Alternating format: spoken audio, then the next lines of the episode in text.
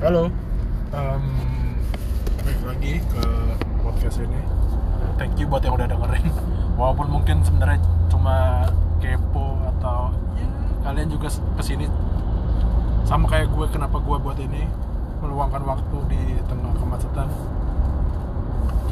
Per hari ini entah berapa jumlah pasien positif COVID di Indonesia yang jelas eh, salah satu teman kantor saya yang sudah sepuh masih dalam masa karantina setelah positif COVID-19 Eh, beliau sempat tidak bisa mencium bebauan dan tidak merasakan apa pun di lidahnya. Jadi eh, moga-moga segera ada kabar baik dari beliau semoga diberi kesehatan. Hmm, sekarang 25 November 2020 dan hari ini kebanyakan orang sih payday ya. Dapatan gaji. Terus ada mungkin yang invoice-nya turun juga per tanggal 25 atau apa ya.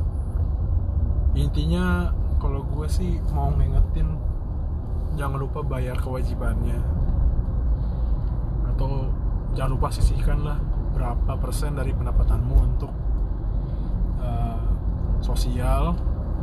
Karena terutama di pandemi ini banyak sekali yang membutuhkan uh, bantuan dari kita kita yang masih punya pekerjaan.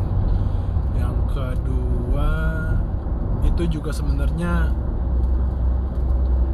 uh, bisa meringankan atau bisa membersihkan uh, apa yang kita punya. Kalau di ajaran gue.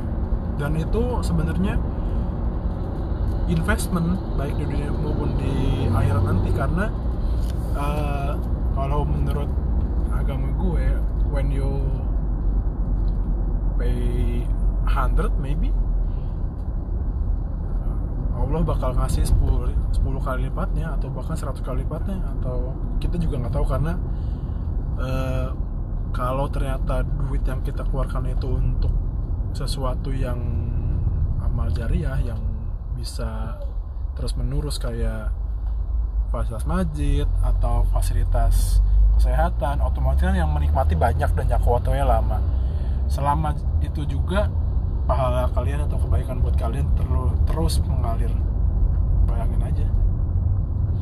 Jadi jangan lupa sisihkan buat yang membutuhkan dan sisihkan buat yang uh, memang berhak untuk menerima. Jangan janda muda ada kasih dong buat menggoda-goda ya. Utamain dulu janda tua yang sudah tua renta sudah istilahnya ditinggalkan oleh keluarganya atau bahkan hidup sebatang kara.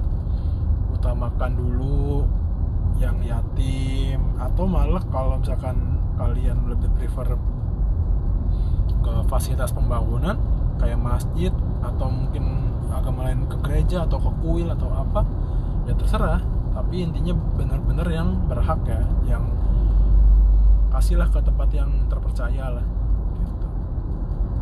um, oh iya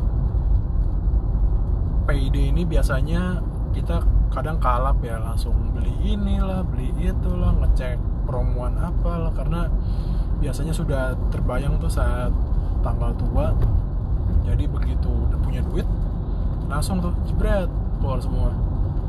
Nah uh, kalau saran dari gue sih baiknya uh, dibagi dulu pos per posnya ada yang untuk kebutuhan sehari-hari itu strict tuh nggak boleh diganggu buat misalkan duit buat listrik buat kosan buat transport anggaplah sejuta setengah atau sejuta atau lima ribu jangan sampai dikurang-kurangin. Itu udah wajib banget segitu. Terus dana buat uh, investment itu juga jangan lupa. Entah investment ke leher ke atas atau pengetahuan atau juga yang bentuknya uh, seperti reksadana atau mungkin kalau punya lebih lagi deposito kalau deposito biasanya sih kalian udah nyimpen dari awal dan ini gua gua awam ya soal deposito tapi intinya jangan lupa berinvestasi. Nah salah satu yang cukup menarik itu selain uh, reksadana adalah pasar saham karena pasar saham ini sudah sangat terbukti uh, kalau kalian aktif ya maksudnya kalian memantau terus uh, portfolio kalian itu adalah salah satu bidang yang terus menghasilkan cuan walaupun di tengah pandemi. Selain bidang ini ya selain uh, sektor real ya seperti sayur mayur peternakan atau uh, perkebunan itu pasar saham adalah salah satu yang paling cuan. Terutama semisal kalian beli emiten atau saham perusahaan tertentu yang oke okay banget itu kalian bisa sampai mendapatkan mungkin 10 kali lipatnya kali. Kalau misalnya kalian beli di saat diskon gede-gedean itu di awal pandemi. Dan kalian masih keep sekarang. Contohnya adalah salah satunya BRIS atau BRI Syariah. BRI Syariah waktu zaman masih diskon gede itu 150 rupiah. Gue sebenarnya agak menyesal karena terlewat. Jadi gue cuma dapat di harga 500an sampai mencapai harga puncaknya itu 1500 kebayangkan itu gue aja dapat tiga kali lipat itu gimana kalau orang yang sabar gitu kan atau yang pinter dalam menganalisa uh, laporan keuangan atau uh, sejenisnya. Atau intinya analisa fundamental. Pasti cuannya lebih gede lagi. Nah sekarang nih OTW window dressing atau kalau isunya itu adalah uh, para perusahaan memoles laporan keuangannya dengan cara membeli saham mereka sendiri dalam jumlah besar sehingga naik. Jadi seolah-olah uh, perusahaannya bagus gitu keuangannya bagus. Tapi ada juga yang percaya bahwa sebenarnya window dressing itu terjadi karena mayoritas orang percaya bahwa emiten atau perusahaan akan membeli saham yang mereka sendiri sehingga harga akan naik.